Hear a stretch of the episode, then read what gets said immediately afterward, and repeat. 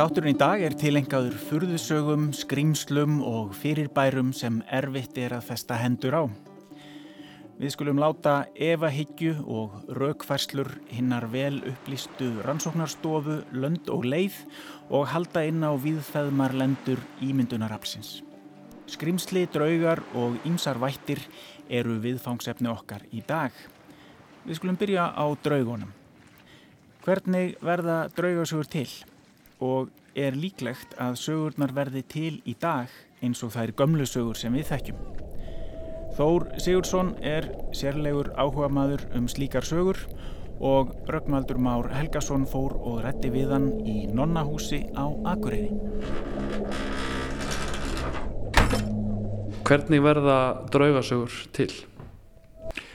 Það eru uh, sennilega fleiri en einn skýring á því og fleiri en tvær. Um, í gamla daga þar sem að var alltaf dimmt inn í torpæðunum þar sköpuðu skilirði fyrir draugasögur og eða upplifanir. Og það voru mörg skúmaskott og, og allt dimmt allan ásinsing inn í torpæðunum og og dramatíska sögur sem gerðust breytust oft smám saman í draugasögur. Og svo er einn skýring líka sem er kannski ekki skýring að það er að það gerðist eitthvað sem enginn gæt útskýrt. Með tímanum hefur fólk geta útskýrt ímislegt sem var yfirskilvillegt á þeim tíma því að alltaf flegir vísindunum fram en samt sem áður tel ég að sé hægt að að uh, flokka draugasögur í sögur sem að raunir eru enþá óútskýranlegar fyrir okkur og aðrar sem að eru verða til úr raunverulegum atbyrðum og, og fengu á sig mynd draugasögu með tímanum spilar ekki inn í svona trúin á þetta yfir náttúrulega líka fólk trúi því líka að það sé eitthvað svoleiðist til. Jú, það er ekki vaf á því og með, með huldufólksögur eða álvarsögur það er svona á Íslandi eru huldufólk og álvarraunni í skilningi fólks allavega voru það sömu verurnar og misjant kannski millir hér aða hvort það voru kallað huldufólk eða, eða álvar eða misjant að millir manna. Og uh, það er uh, sögur margar huldufólksögur er í rauninni náttúruvætta sögur þannig að þær voru sagða til þess að að benda fólki á eða hræða fólk frá því að misnota náttúruna en svo eru aðrar sem að er mjög erfitt að útskýra og svo er líka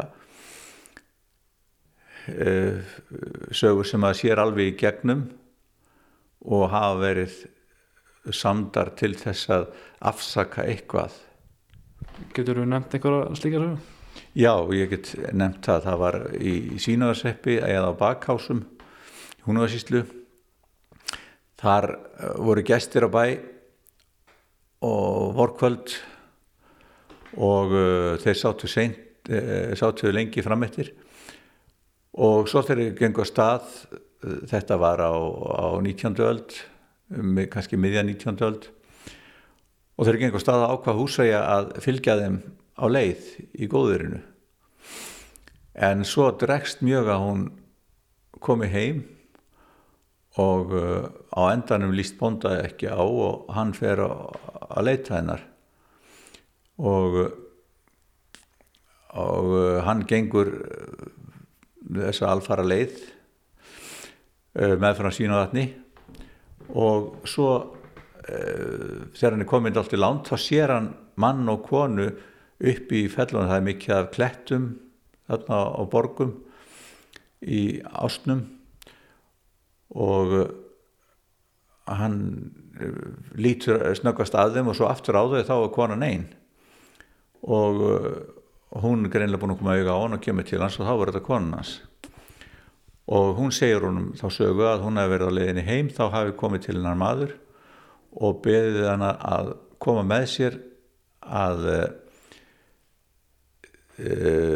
fara höndum um, um konu sína því að hún sé í barsnöð og það var uh, er einna algengustu hulduvólsögurnar eru það að huldumadur sækir mennska konu til að fara höndum um konu sína sem getur ekki fætt og þá gatt hún alltaf fætt.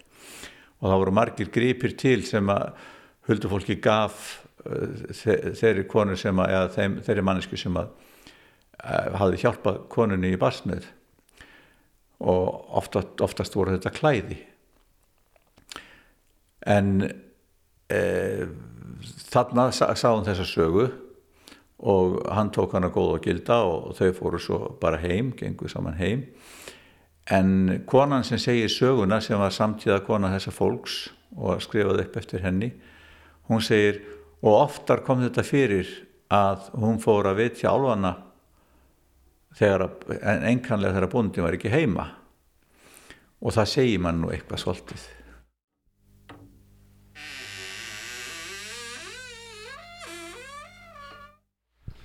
En þessar sögur þær lifa einhvern veginn áfram. Um, ganga milli fólks eftir minni. En í dag myndur þú segja að það væri sko raunhæft að slít myndi gerast í dag þegar allt er einhvern veginn skrifað og svo ekki bara skrifað í einhverjum bókum einhverjum bókasögnum heldur líka á netinu getur svona sögur orðið til í dag eins og það er urðu til Nei það held ég ekki ekki miskusti svo neinu nefnur og það sér maður líka á að, að þegar maður les mikið af, af þjóðsögum að þær eru sprotnar fjöl fjöl margar af sömu sögunni. En svo eru aðra sögur sem að kannski lifa lengur. Verða einhvern veginn stærri um, og kannski merkilegri einhvern veginn. Djáknin á Myrká til dæmis um, af hverju? Djáknin á Myrká er er bara frábærlega sögð saga og hún er frægast að draugasagan já, sem að hefur verið uh, skráð á Íslandi og rauninni er þetta mjög gamalt minni sem er til í útlöndum og út um allt um, um elskuan sem, sem eða heitmannin sem að uh, ferst og kemur svo afturgengin til að vitja unnustunar.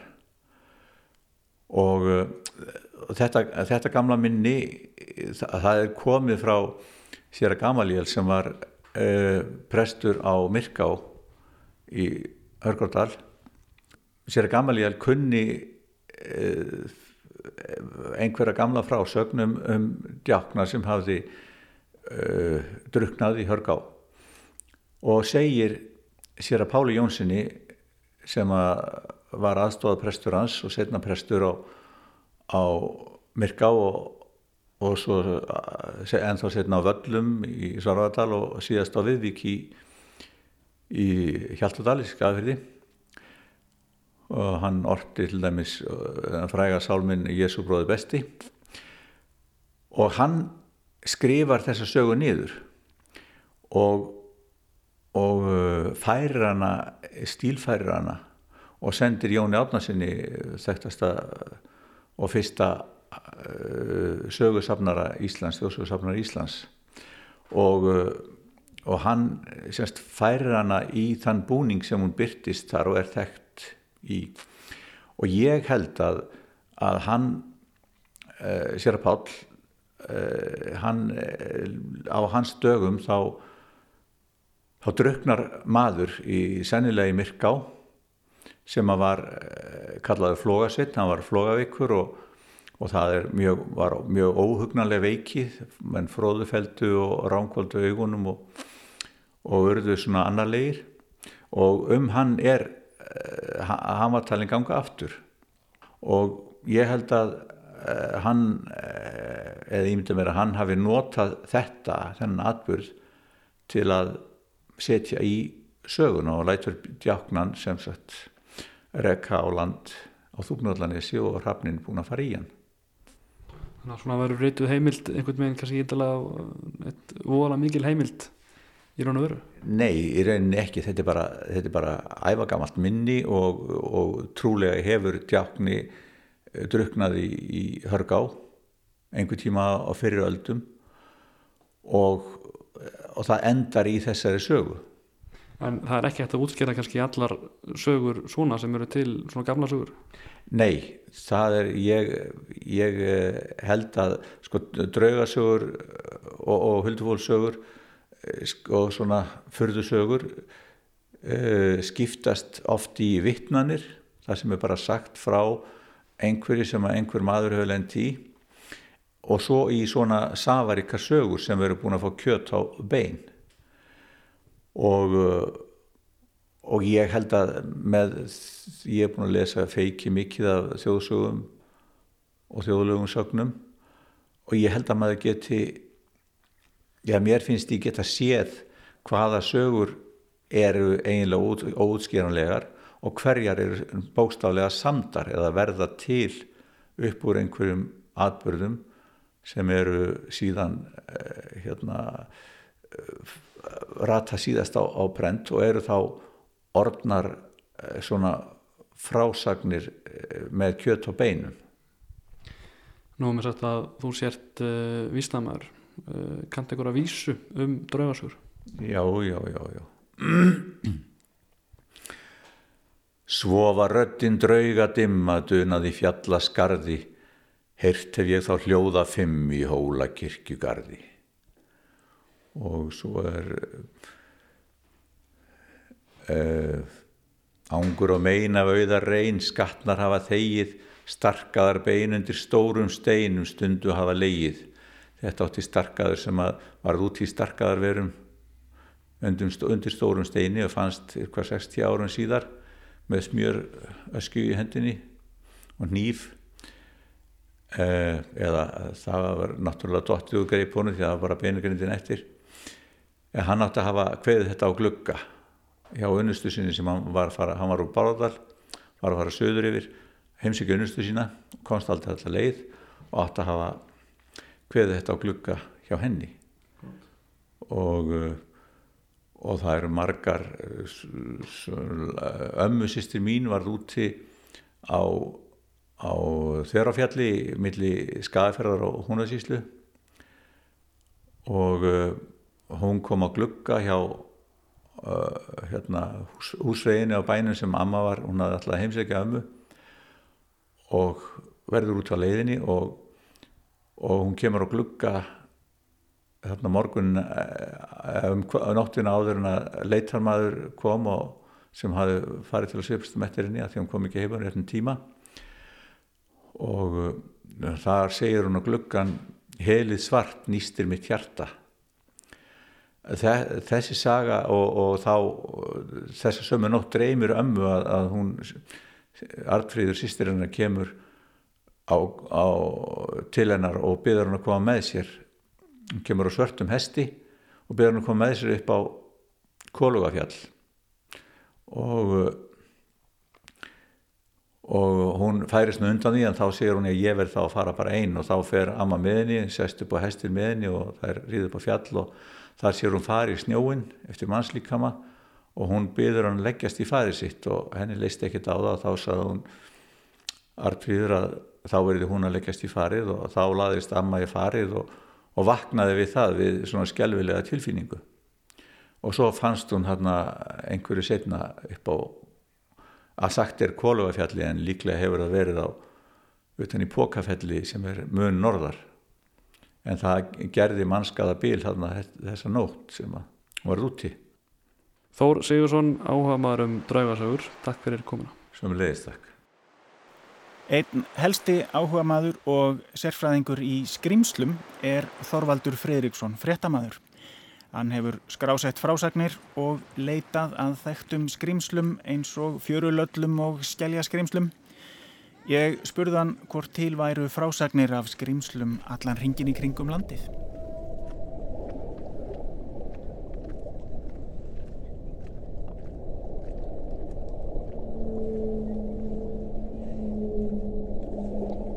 Já, þau eru misalgeng en uh, á Reykjanesi eru mjög góður fulltrúar uh, skrýmsla tegunda á nokkura. Já, þann, þannig að sunnlendingar hafa sín skrýmsli líka. Já, já, og, og á Suðurlandi eru mikla skrýmsla stöðar eins og hestvatni Grímsnis er eitt aðar skrýmsla vatnið. Nú síðan höfum við hérna nálat okkur Kleifarvatn. Kleifarvatn er skrýmslavatn alveg frá fornu fari og þar hafa margir merkir náttúrufræðingar komið við eins og Egert Óláfsson hann segir frá skrýmsli þegar hann kemur hérna 1749 eða skrýmsli sást 1749 og þá var það fólk á engjum frá Krísuvík vantarlega Krísuvíkbænum sem að bara sá risa skeppnu sem láð þarna við vatnið makindarlega og, og sólaði sig og lístu þessu nákvæmlega fyrir Egert Ólafsinni þeim merka náttúrufræðingi. Nú síðan, allagötur síðan höfum við upplýsingar um skrýnsli í Klegarvatni það má nefna 1966 þá þegar að sko, verkefælis fóringin Gretar Þorlefsson í Hafnafjörði, hann uh, var þar við veðar og sá gríðar mikla skeppnu þar í vatninu. Nú síðan þegar verið var að byggja Krísuvíkur skólan 1977 þá var þar Einar Sigursson í Ertu Hafnafjörði og sá mikil fyrirbæri þar í vatninu. Og einn merkast sagan er frá 1984 þegar tvær rjúknarskittur voru þarna hjá vatninu og leiði upp að brennisteinsöldu og kvildu sig handan vatsins og fyldust þá með tveimur skeppnum sem syndu yfir vatnið. Það var hörku frost úti og þeir undruðust það að þessar skeppnir væri á sundi þannig í vatninu. Og síðan brokkuðu þar upp úr vatninu þá voru þetta svona litlir nekrar eða, eða skeppnur sem líktust eh, litlum hestum voru með svona aðeins stittir fættur og stór höfuð og, og þeir eh, hættu við að fara á rjúfnarskittir í heldur flýttu sér heimti sín til Hafnafjörðar að sækja myndavelar og vegna þess að skefna skildi eftir mikil spór en eh, þegar þeir komu tilbaka þá var orðið ódýmt og þeir náðu ekki myndum en þeir sögðu frá þessu og voru dregnir sundur og saman eh, í háði bæði af fjölskyldu og vinnufjölugum þannig að það hættilegt að segja, segja þessar sögur. Síðan hérna eru náttúrulega merkilega sögur, það er, uh, Reykjanes er nokkuð gott hafmeia svæði.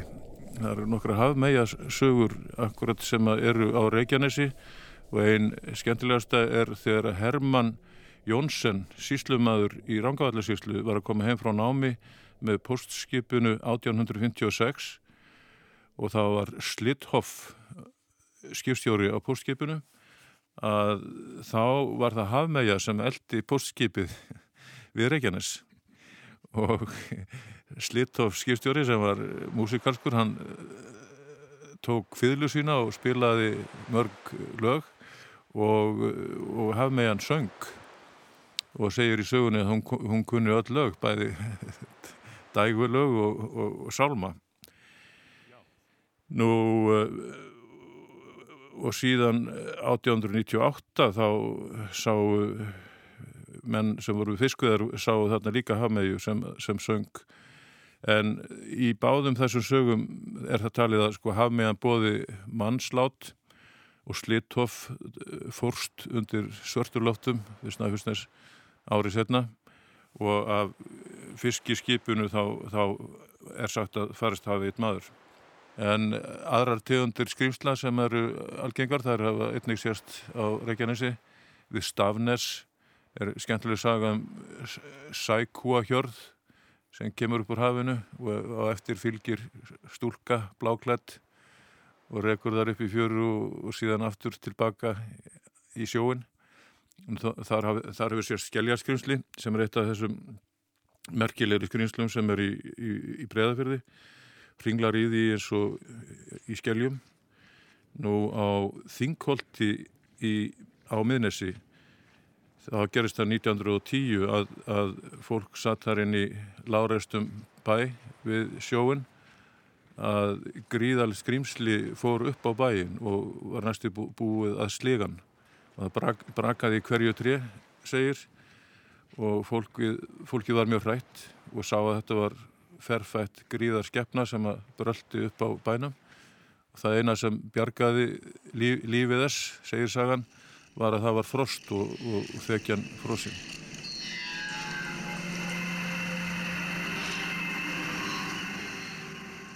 Morgunin eftir þá þegar menn kom út var skrimslið horfið í sjóun en eftir voru gríðan mikil spór og í hverju spóri kringlór stórspór og hverju spóri var svona eins og eftir hóf eða, eða svona hálfum máni og þetta er mjög merkileg lýsinga því að slíkum spórum er lýst í, við Breiðafjörð og í Arnafjörði og, og, og þetta er eftir eina merkilegustu tegundina af skrinslum. Nú einn svakalegasta sagan er frá flankastöðum. Þar var Runolfur Runolfsson, hann bjó á Klapparkoti á miðnesi og hann giftur, eða bústýra hans var Kristín Sigurðardóttir, hún var af ætt frá Írafelli, Sigurður Kortsson af Írafellsætt var fæðar hennar. Það er tekið fram í sögunni að, að, að gefnu tilefni. En eh, hann var á heimleið úr kaupstaði Keflavík og þá gerðist það að hann var rétt komin heim, þá var ráðist á hann og hann komst upp á glugga, guðað á glugga á nágrannabæði og baða að hleypa sér inn. En fólki var svo frætt að það, það gerði það ekki. Og síðan kvarf hann og sást ekki lengi og það var gerður út leitarflokkur. Og þá fundum henn eh, slitrurnar á honum.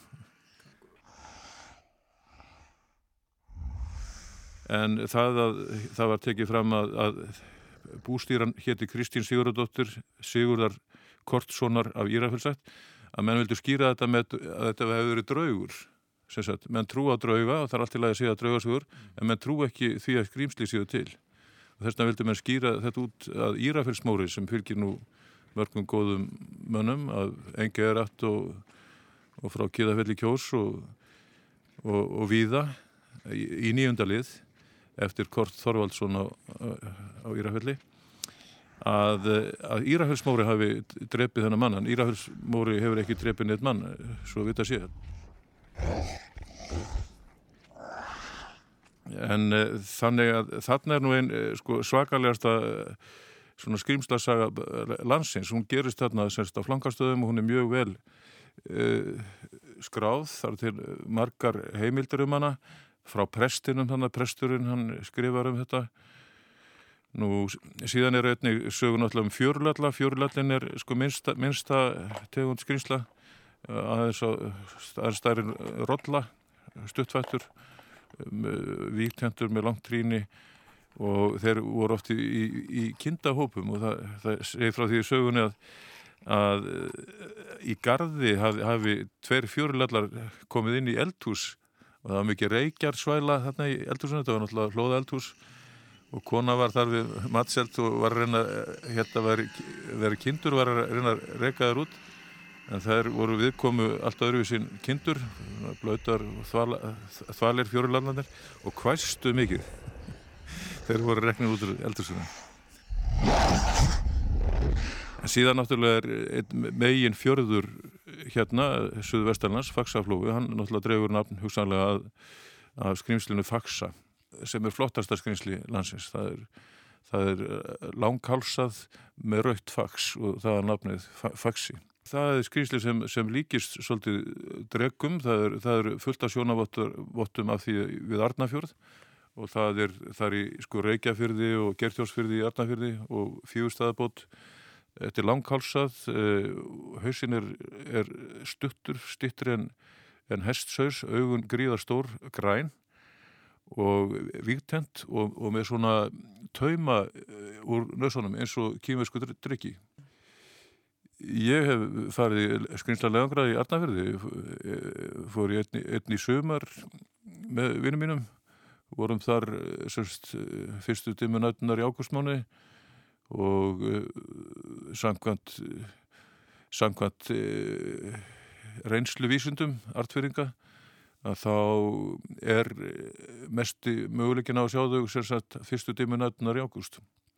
En uh, Arnafjörður er einhver mesti mesti merkisfjörður Íslands hvað var þar lífríki þannig að þú ert með steip, steipireðar þar inni og alls konar kvali þannig að við gáttum ekki sagt um hvað, hvaða tegund það veri sko.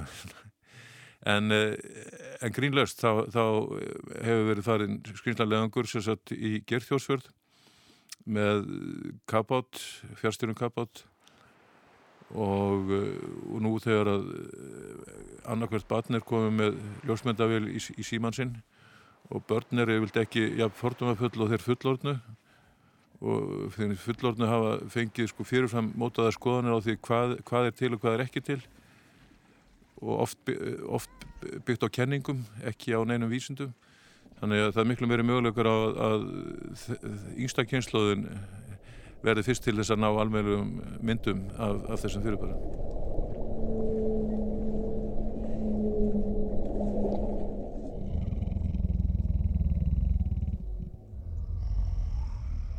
Þorvaldur Fridriksson sað okkur þarna frá skrimslaransóknum. Árið 1994 tóku nokkrir sig saman á Ísafyrði og púsluðu saman vættakorti Kortlögðu vættirnar sem finna má í skutulsfyrði. Halla Ólafstóttir heimsótti Ásthildi Cecil Þórðardóttur sem komað gerð kortsins á samt Erlu Stefánsdóttur og Kolbrúnu Þóru Oddsdóttur. Þó nokkuð sé síðan að kortið var teiknað eru vættirnar enn á kreiki. Ég kom inn í kaffi til Ásthildar Cecil Þórðardóttur Hún á heima í kúluhúsinu í Eiralíð á Ísafjörði og við erum að skoða vættakort. Hvernig kom það til að þetta vættarkort var gert? E, mér langaði bara til þess að ég, mað, ég hef orðið vörfið ímislegt sjálf hérna í kringum mig og mér langaði svona til þess að, til þess að fá, fá betri útskýringar á því. Svo ég hafði samband við Erlu og hún kom hérna og daldi hjá mér um tíma og og við fórum svona á hana ímsi staði og, og þar, þar sem hún sá sagt, og hún sagt, teiknaði þetta upp þess að verður og allt þetta og skilgreindi þetta allt. Er þetta eitthvað sem kom þér á óvart þegar afræksturinn komi ljós? Alls ekki, alls ekki. Ég, hérna, nei, það var bara, mér fannst þetta bara mjög eðlilegt. Hérna fyrir fram nokkur er kort af skutulsfyrði og innan það er búið að teikna punta sem merkja hvað var þar að finna. Viltu kannski útskýra fyrir hlustendum hvaða var sem hún Erla Stefansdóttir fann og, og, og hvað eru svona kannski enkenni þeirra? Það eru einan okkur orð sem að eins og fortíðar myndir. Ég ætla kannski bara að lesa það sem stendur það sem er mertin á kortið. Já. Hérna eru mertir jarðvergar, dvergar, álvar, huldufólk, fossbúi, tröldslegar verur, fortíðarmyndir, fjalladísir, fjallaenglar og fjallatífar. Já. Ég held að það sé ymmislegt þarna sem að fólk þekkir ekki. eins og hvernig myndir útskýra fortíðarmyndir? Fortíðarmynd er, er ykkur atbyrðu sem hefur átt sér stað uh, á einhverju ákveðnum, stað og, og er þarna ennþá þó ekkert sem að sýnir sko, það er ekkert sem sýnir hvað gerðist. Eins og ég er alveg vissum það að hérna síðasta galdrabæðina sem var hérna að það, ennþá þar er örugla fortíðamyndin af þessum þessu, þessum hryllilega atbyrði og það er svona sem að, sem að hérna Þetta geta líka verið gott sko eins og kirkjur sem eru, sem eru afhelgar. Það er ennþá ljós, það sést ennþá ljós í þeirri kirkji þó hún sé afhelguð af því að út af öllu þessu góða og falliga sem var gert í kirkjunni. Og hefur markað umhverfið. Já, mm. og þarna situr þetta og er og, og við, þeir sem að, þeir sem að hérna eru næmir þeir geta skinnið þetta. En hvernig eru þessar tröllslegu verur? Þær eru stórar og, og hérna, þær, þær, hérna, hérna er húsin þeirra sko, hérna út á Nýstalsvegi. Það er hérna, þetta er bara svona, þetta er ákalla þetta tröll held ég líka. Mm -hmm. En fjalla-englar? Þetta eru þessar stóru, stóru hérna, verur sem eru andlegar og þær eru sko, þær eru næsta, þær eru næsta, millistígi milli hana hæstastegs mannsins og svo aftur upp í innan andlegu, andlegu verur. Mm -hmm. mm. Get ekki eiginlega alveg útskýrt þetta en þær eru, þetta eru mjög andlega sterkar og góðar verur sem að eru til þess að venda.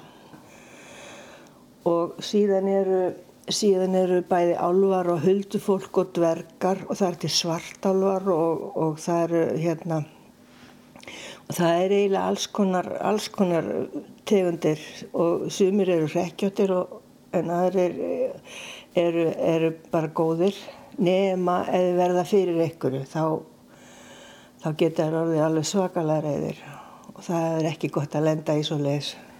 En fjallatífarð? Þetta er ekki beint kannski verur, heldur er þetta eitthvað svona, einhver svona myndir sem að, sem að hérna, geysla frá sér orku.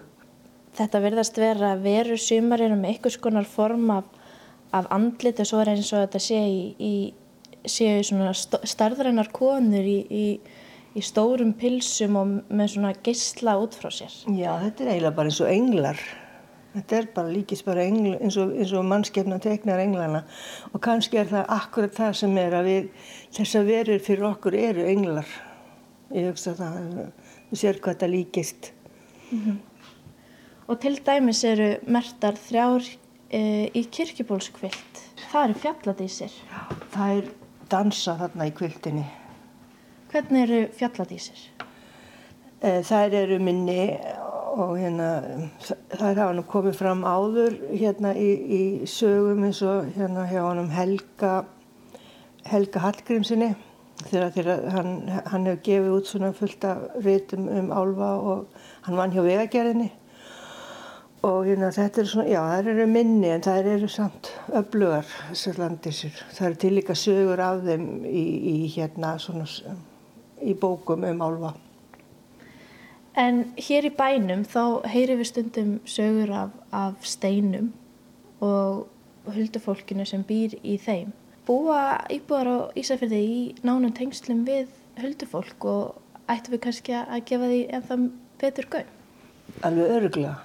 Og já, það er sko, það eru til steinar hérna sem hafa, það sem íbúarnir hafa reynilega bjargað heimili þar sem ekki var nógu matur til og, og þannig og, og ég auðvitað eigum að ræða þetta meira á, og, en hérna ég kann eiginlega svolítið skemmtilega sögu af svona og það er þetta er nefnilega þó standið svona þó þessi stein að þá er þetta ekki endilega íbúið þeirra þetta er engangur þeirra sem ég komst raunar að þegar það kom hérna vinnufélagi minn og spurði mig hvort að ég tríði á svona alva og ég sagði já og hann sagði mamma mín er nefnilega alltaf að sjá svona lítinn kall út í garði hann er að bera alls konar timpur og inn og gera eitthvað við eitthvað stein.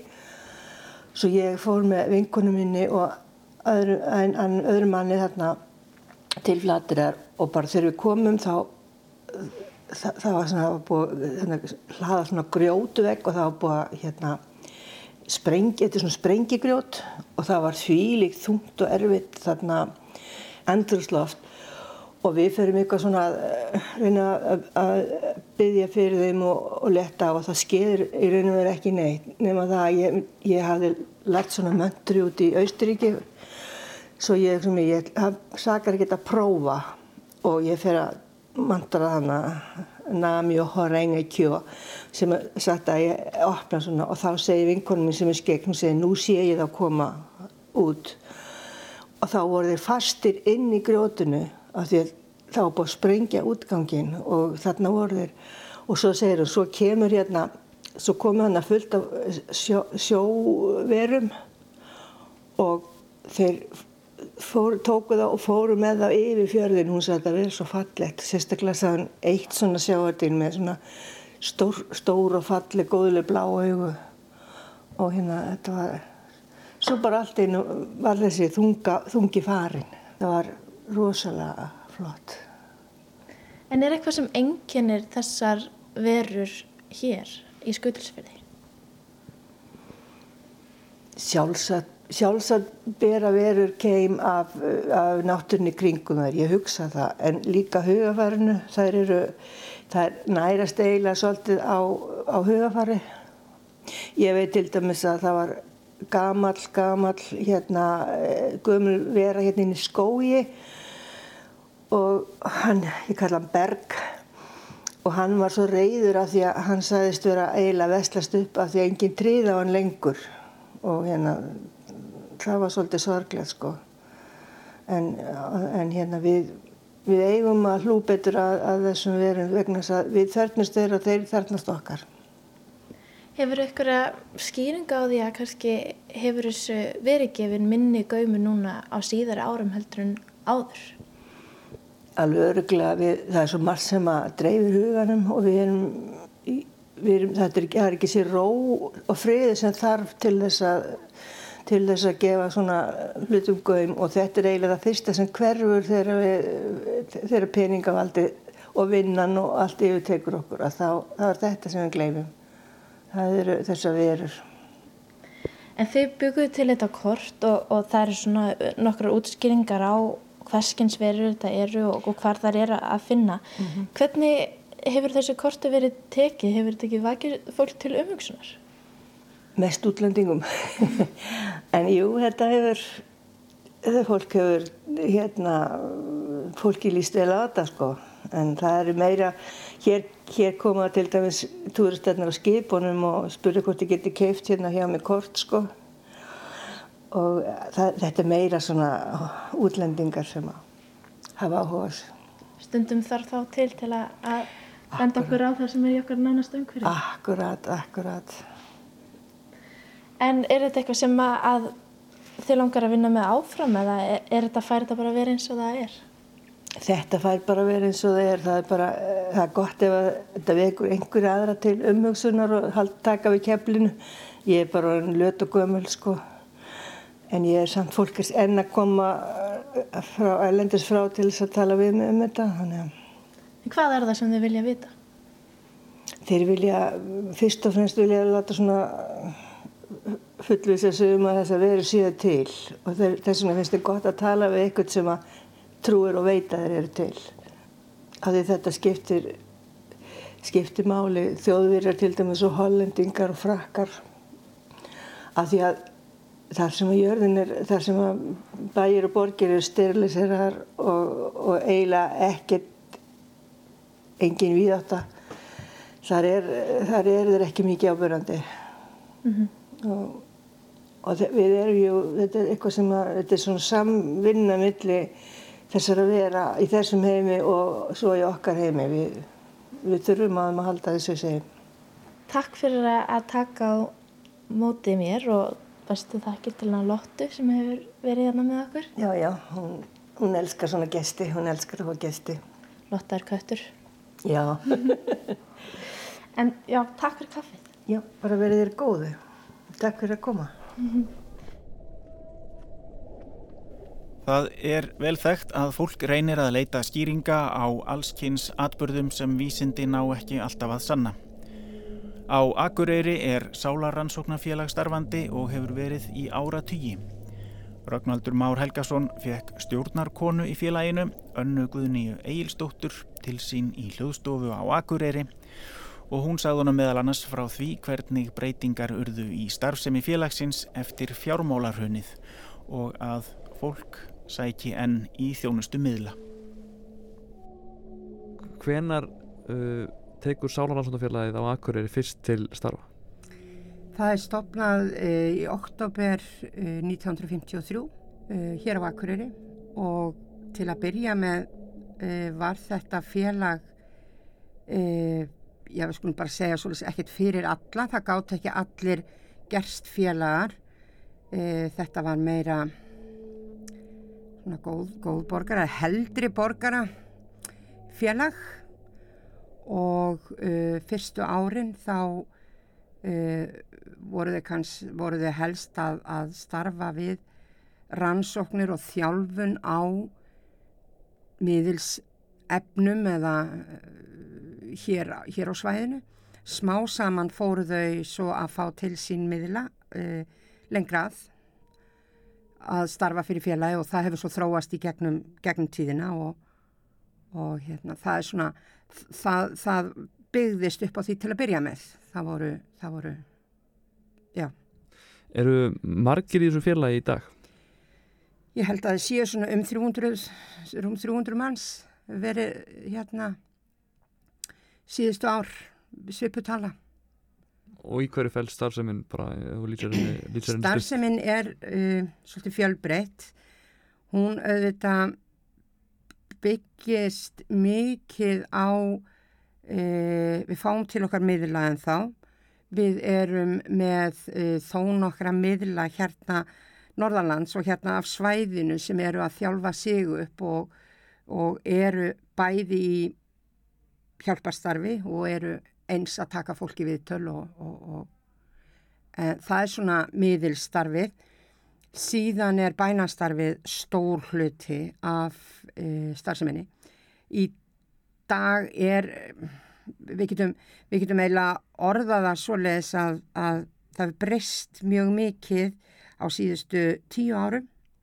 við getum talað um hrunið, hruntímabilið, ekkert endilega allt tengt hruninu en þetta tímabill þó að fyrir hrun þá var meiri svona efnisleg hugsun í þjóðfélaginu. Fólk var meira að hugsa um hvernig það hefði það fjáraslega, hvernig, hvernig það byggi, uh, vildi fá að vita hvort að það um, kemist til útlanda, fari til útlanda árinu eða eitthvað svo les.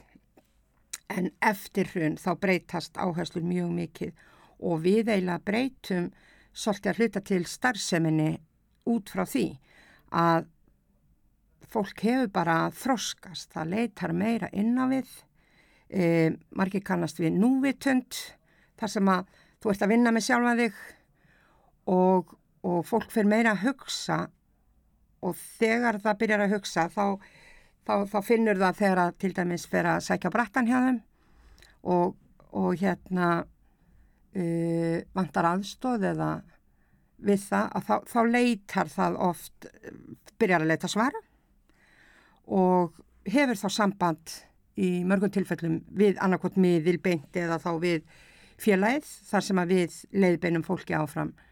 E, nú jápil allra hörðustu ef þess að menn hafa samband og byggja um maður getur sagt viðtöl, þeir trúa ekkit endilega en þeir eru tilbúinu til þess að prófa og skoða og, og jafnvel eftir á kannast þegar gengur betur og þá kannast þeir ekki við neitt en, en þa það er svona allur gangur á því. Uh, en en eru þið tilbúinu til að viðkjöna það að það er ekkit alltaf sem að menn sannfarast um að, að þarna sé eitthvað? Já, algjörlega, algjörlega sko. Mm. En þú talar um bænastundir Já. hjá félaginu, hvað, hvað fyrst þið þeim því að maður kannski tengir ekki trú, trú við, við þetta? Jú, algjörlega í okkar, okkar huga er það eitt og því sama. Bænaringir eða bænahópar, bænaringi köllu við það, það eru svona skipulagðir hópar sem að sitja yfirleitt einu sín í viku. Annarkvort bara hjá félagin okkar eru um 90 manns sem sitja í svona skipulagum hópum eða ringjum en auðvitað út um allan bæi og allt land og allan heim eru, eru svona hópar og þetta er, þetta er orðin mikil aukning í þessu uh, síðustu ár.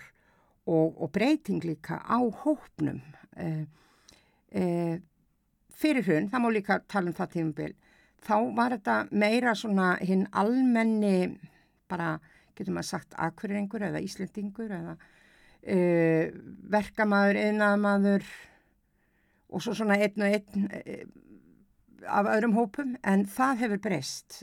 Fjölgunin hefur orðið svo mikil hjá bara uh, háskólalærðu fólki út um, og, og, já, fólki sem er búið að vera í skóla í, í fjölda ára og það er, það er líka leita. En að hverju er einmitt fólk helst að leita þegar kemur til hvað, hvað, hvað er svona algengast? Er það eins og maður heldur kannski einhverju ástverðin sem hafa fallið frá en það er svona kannski ímyndin sem að flestir hafa af miðilsfundi sko, hér kemur einhver sem að þekkjur, þekkjur kannast eitthvað þennan mann sem ég, ég sé hér, er það er fólk að sækja í þetta nákvæmlega? Það er bæði og. Bænastarfið er það auðvitað róin og bænin og það sem fylgir því en þetta með að fara til miðils þá er það mjög misjant. Það er einmitt þetta eins og þú talar um og, og, og kannski svona svolítið ættarmót hinum meginn frá e, þar sem að fólk sumir, sumir eldri borgarar segja að þeir þekki fleiri hinum meginn heldur en hérna meginn orðið því séu flestir félagarnir farnir. Og e, síðan er það fjörskilda á ástvinir og svo einmitt líka þessi bara forvetni, bara mannlega forvetni að fá að, eða frólegsfíst að já, já, það er til. En eigum við eitthvað að vera að skipta okkur af, af þessum heimi? Er það, e, hafið þið aldrei reykið ykkur á það og kannski þú sérstaklega að hefur aldrei e, haft á hugsun að nei, nú er þetta komið gott, ég, þetta, þetta á ég að láta þið friði? Eh, ég ólst nú ekkit endilega mikið uppið svona og ekki fram eftir aldri en eh, ég er búin að vera viðlóðandi sálarnarsóknarfélagi hér á Akkurir í 20 ár og eh, ég er ekkit að fara. Og aldrei einar efasemtur? Mér líður vel, mér, þetta, er, þetta er næring fyrir mig, já, nei, ég, engar, engar efasemtur. Nei. Hvað, er einhver miðill sérstaklega á ykkar vegum sem þú talar um það því kannski fólk fer til ykkar og, og, og eða fer til miðill og síðan eitthvað með rata til ykkar er, hvað þjónustu bjóðið þið upp á fyrir fólk? E, það eru svona þessir, þessir tímar, þessir svo kalluðu uh, hérna bara miðilsfundir og, og það eru, það eru þeir tímar og það eru nokkri miðlar sem eru að vinna starfa hjá félaginu reglulega og við bjóðum upp á tíma hjá þeim og það er svona oft sem að e, fólk er að leita að einhverju vissu og þá reynum við að finna það sem að hendar hverjum og einum. En svo er það auðvitað líka aðstóð, uh, einn hópurinn kannski sem að ég var ekki búin að minnast á að það eru þeir sem verða fyrir tröflunum af, af ýmsum toga heima hjá sér eða hvað sem er að, að það eru þó nokkrir sem hafa samband við okkur í sambandi við það og þá eru við líka með, með miðla þar sem við beinum, beinum þessu til og, og hérna byggjum um aðstóð þar. Er það þá eitthvað svona ég ætt við að því að nú er ég, nú er ég að tala þessum algjör leikmaður sem veit mjög lítið um þessa, þess, þess konar mál. Mm -hmm. ég sé fyrir mér þá bara eitthvað sem ég, ég kalla þess bara særingar. Er það, er, er ég að ruggla því saman? Fyrst og fremst bæn. Þa, það, það er svo margt sem vinst með henni. Það fyrst og fremst. Er, er það ekki með það sem fælst í því að, að, að særa út illa anda eða eitthvað slíkt að að þú notar einmitt uh, sko trúna og, og að, að ljósið einhvern veginn sigri sko er það ekki það saman? Í fæstum tilfellum eru þessir andar íllir Þannig að þessi hugmynd mín um, um, um svona, svona heimsóknir er, er kolröng. Sem eitthvað aðalatrið allavega, já. Sem ég get, sem að ég þekki til getur maður sagt. Þá er það oftar en ekki e, það getur verið trublun á þess að það sé neikvæð trublun algjörlega sko. En hefur þú einhvern tíman upplifa það sjálf að þú færð bara ekki neina skýringu á einhverju svona undarlegu fyrirbæri eða undarlegu upp, uppákomu eða einhverju slíku hefur, hefur einhvern tíman bara alveg staðið á gati og enginn geta hjálpað þér? Vistu ég bara manna ekki eflaust.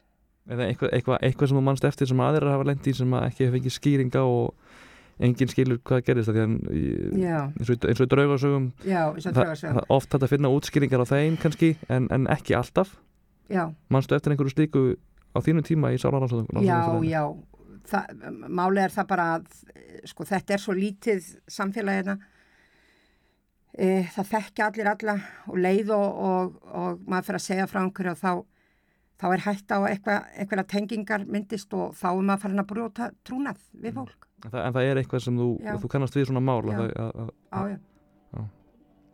Anna Gunni Egilstóttir í stjórn Sálarannsóttanfjörðarsins á Akureyri. Takk fyrir komuna. Takk fyrir. Og á þeim dularfullu nótum líkur þættinum í dag. Tæknimaður var Úlfildur Eisteinstóttir. Við þökkum þeim sem hlýttu. Lifið heil.